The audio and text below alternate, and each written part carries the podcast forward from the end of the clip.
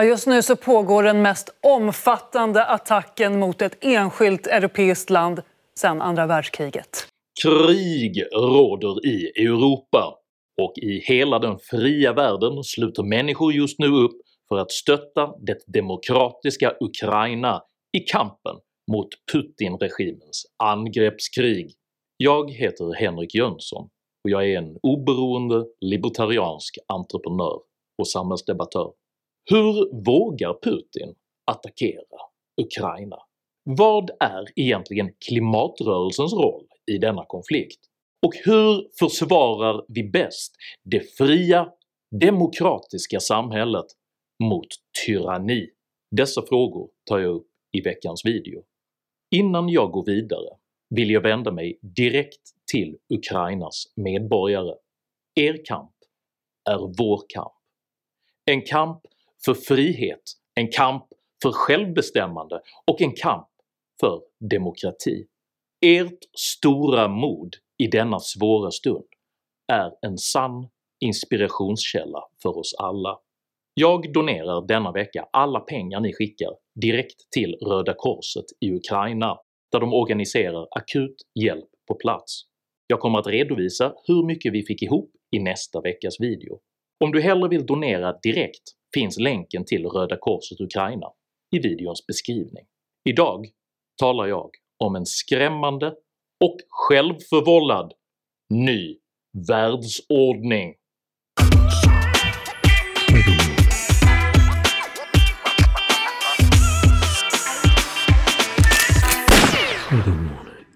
Berlinmurens och Sovjetunionens fall markerade det kalla krigets slut och lät den generation europeer som vuxit upp i kärnvapenstridsspetsarnas skugga att lyfta sina tändare mot himlen för att besjunga förändringens frihetliga vind. Det tidiga 1990-talets segerrusiga optimism konkretiserades i den amerikanske författaren och nationalekonomen Francis Fukuyamas bok “Historiens slut” i vilken han postulerade “Mänskligheten har inte bara passerat efterkrigstiden utan har nått historiens slut som sådant. Detta innebär slutpunkten för mänsklighetens ideologiska evolution och universaliseringen av västerländsk liberal demokrati som slutligt styrelseskick.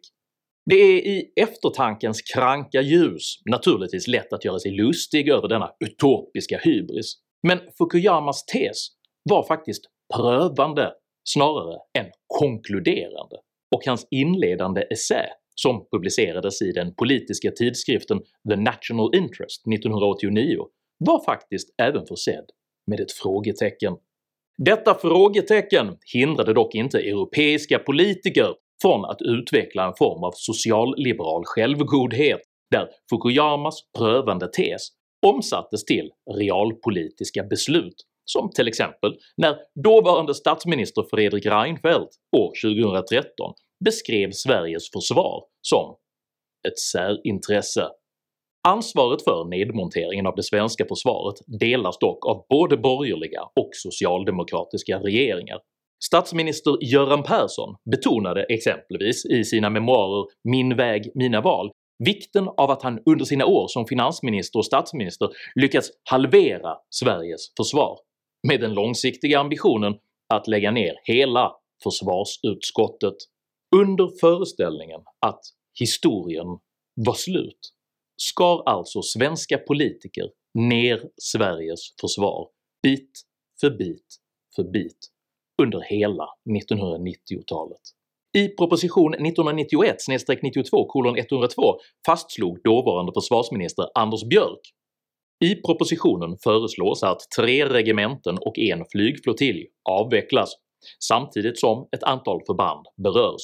Till följd av de förändringar som föreslås kommer övertalig personal inom försvarsmakten, militär och civilt att behöva avvecklas snarast möjligt. Tre år senare, i proposition 1995-96:12 “Totalförsvar i förnyelse” beslöt Mona Sahlin och Thage G Peterson att Försvarsmaktens krigsorganisation reduceras och vissa begränsningar görs inom delar av det civila försvaret. I proposition 1999-2000:30 “Det nya försvaret” konstaterar Ingela Thalén och Björn von Sydow “Regeringen anser att Sverige behöver ett militärt försvar som är betydligt mindre till sin volym än tidigare. Denna avveckling av det svenska försvaret speglade föreställningen om storskaliga väpnade konflikter som föråldrade och att framtidens krig istället skulle hanteras genom diplomati och med ekonomiska styrmedel. Putin har nu visat att de hade fel. Historien var, ofattbart nog, inte slut alls.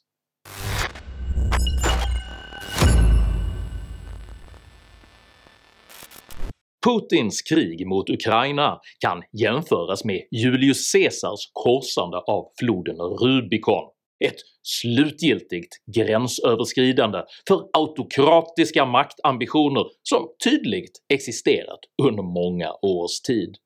För att bereda mark för dessa maktambitioner skickade Caesar redan under det galliska kriget regelbundet personliga brev till det romerska folket, genom vilka han byggde upp bilden av sig själv som en oövervinnlig härförare. Breven sammanställdes senare i sju böcker kallade “Commentari de Bello Gallico” vilka betraktas som ett av de första exemplen på modern propagandakrigsföring. Ambitionen att försvaga sin motståndare genom propaganda, desinformation och genom upprättandet av interna stridigheter är således ingenting nytt. Men den propagandaoffensiv som Putin-regimen under flera år utsatt Västeuropa för är med stor sannolikhet betydligt mer sofistikerad än vad många insett. Svensk media har exempelvis under många många år nästan uteslutande varnat för propagandakopplingar rörande fenomen och åsikter som journalisterna själva redan ogillar. Från Hanif Balis Twitter-feed till alla försök att problematisera svensk migrationspolitik anklagades under lång tid nästan alla perspektiv som avvek från de socialliberala journalisternas egna åsikter för att vara just rysk desinformation. Benägenheten att övertolka lokala meningsmotståndares utspel som resultatet av en storskalig och illvillig påverkanskampanj har inte bara försvårat identifikationen av de påverkansoperationer som faktiskt har pågått, utan har även skapat en politisk och medial blind fläck för påverkansoperationer inom det egna åsiktsspektrat. För precis som Caesars brev från Gallien riktar sig en verklig autokrats propaganda inte bara mot gapiga plebejer utan även mot de fåfänga patricierna. Om dessa båda grupper placeras in i Maslows behovstrappa hamnar de populistiska plebejerna huvudsakligen i de två undre skikt som gäller trygghet och fysiska behov. Politiskt sett uttrycker denna grupp missnöje med försämrade livsbetingelser i form av dyrare levnadskostnader och ett otryggare samhälle. De mer självbelåtna patricierna hamnar istället i behovstrappans översta två skikt, vilka gäller självkänsla och självförverkligande. Politiskt sett uttrycker denna grupp missnöje gällande sin egen och andras identitet, om moral och om sitt eget behov av att förändra världen. Sett i isolation är påverkansoperationer riktade mot dessa två grupper svåra att identifiera och förstå, men när de länkas samman framträder en tydligare bild.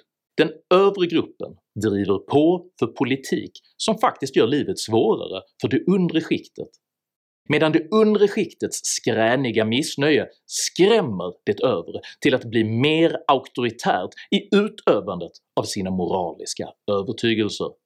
Konsekvensen av detta blir att mellanskiktet, alltså samhällsgemenskapen, kollapsar till förmån för en polarisering som autokraten sedan kan utnyttja under parollen “söndra och härska”.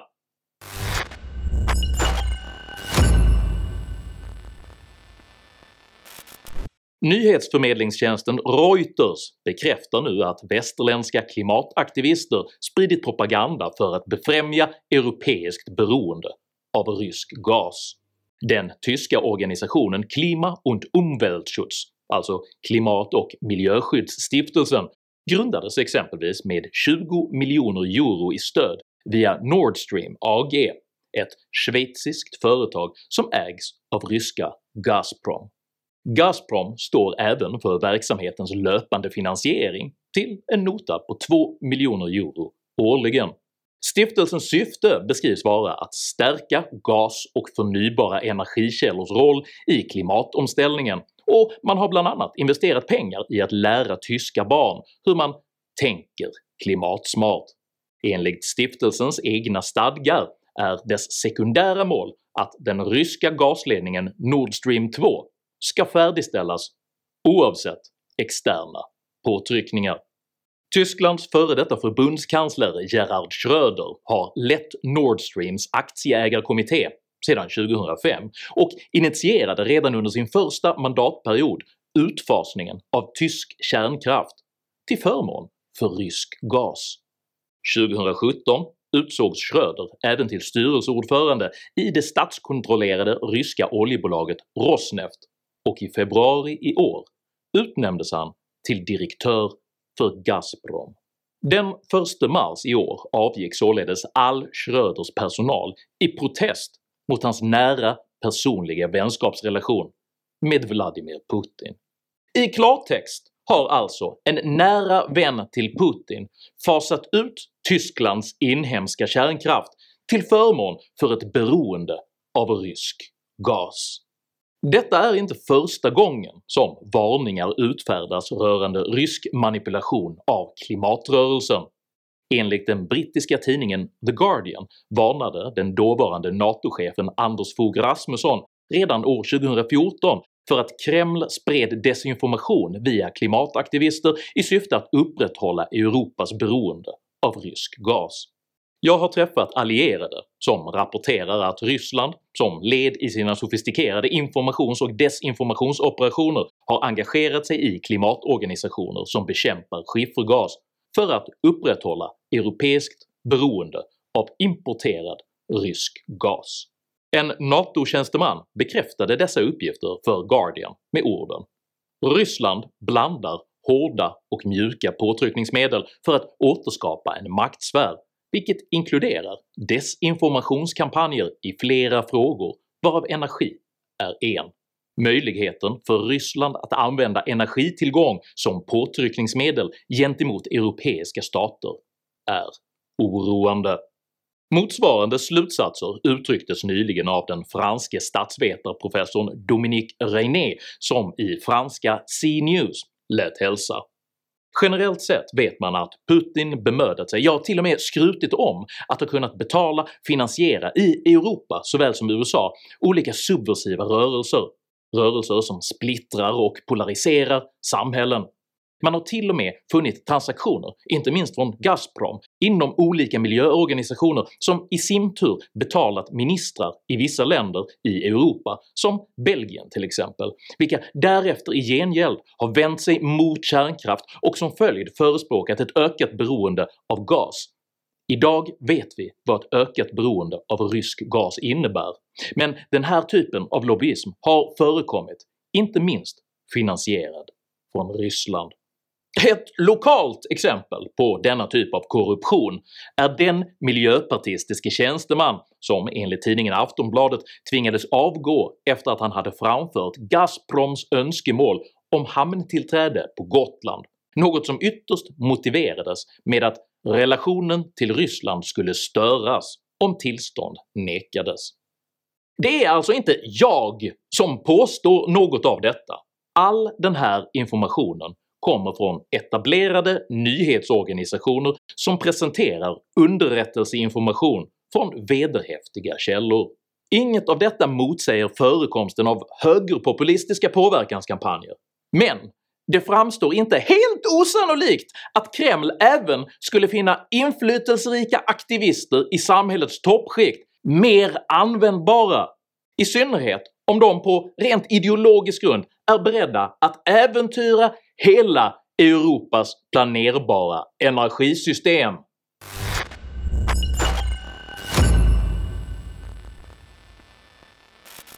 I ljuset av det allvarliga säkerhetsläget tänker jag nu tala helt personligt, subjektivt, klarspråk. Det råder krig i Europa. Det är därför mycket angeläget att alla inser att historien på inget sätt är slut och att Sverige, precis som resten av Europa, nu måste återta kommandot över sin egen framtid. För vi har inte tagit vårt ansvar.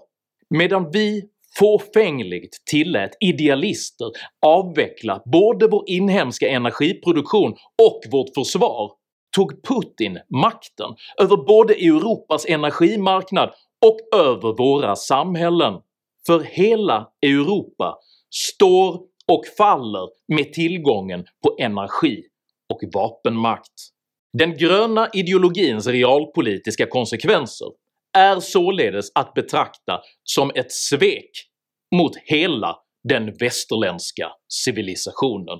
Vi behöver därför mycket snabbt återuppbygga ett självförsörjande och planerbart energisystem som varken är beroende av rysk gas eller av väderförutsättningar.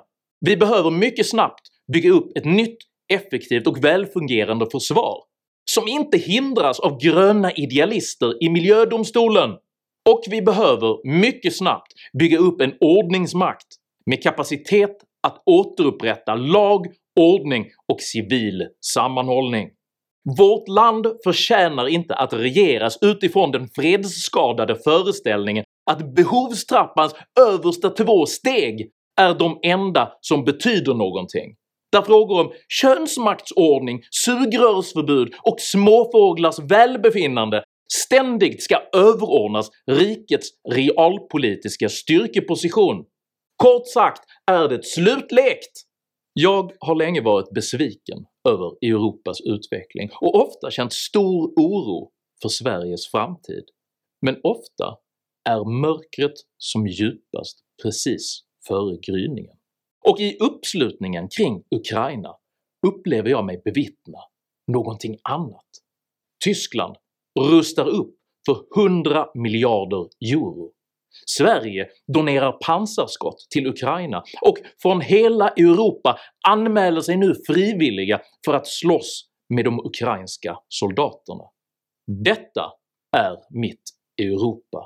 Är Inte den patetiska gröt av identitetspolitik, kränkthet och klimatångest som har tillåtits dominera oss de senaste åren.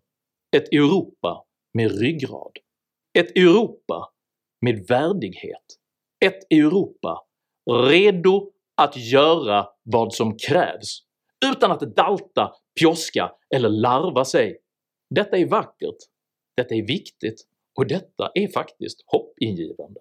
Låt oss därför fortsätta att lära av våra modiga bröder och systrar i Ukraina och ställa resoluta krav på uppstramning av våra politiker, men låt oss ställa ändå större krav på oss själva som samhällsbärande individer och europeer. För alternativet kan mycket väl vara att det annars snart inte finns något Sverige kvar alls. Håller du med om att det är slutlekt nu och att även Sverige snabbt måste förbereda sig på skarpt läge både säkerhetsmässigt, ekonomiskt och infrastrukturellt? I så fall ber jag dig att dela den här videon med dina vänner och uppmana dem att både ta och utkräva verkligt ansvar i en svår tid. Har du egna erfarenheter av brister i Sveriges försvar eller infrastruktur? Dela i så fall gärna med dig av dina upplevelser i kommentarsfältet här nedanför, för denna information är nämligen viktig för att vi ska kunna reparera vårt land och förbereda oss på kommande och betydligt svårare tider. Kom dock ihåg att alltid vara artig, även mot dina meningsmotståndare. Jag accepterar inte aggression, rasism eller personpåhopp i mina idédrivna kommentarsfält. Tack för att du som kommenterar respekterar detta. Jag heter Henrik Jönsson och just nu är mina tankar med det ukrainska folket. Tack för mig och tack för att ni har lyssnat.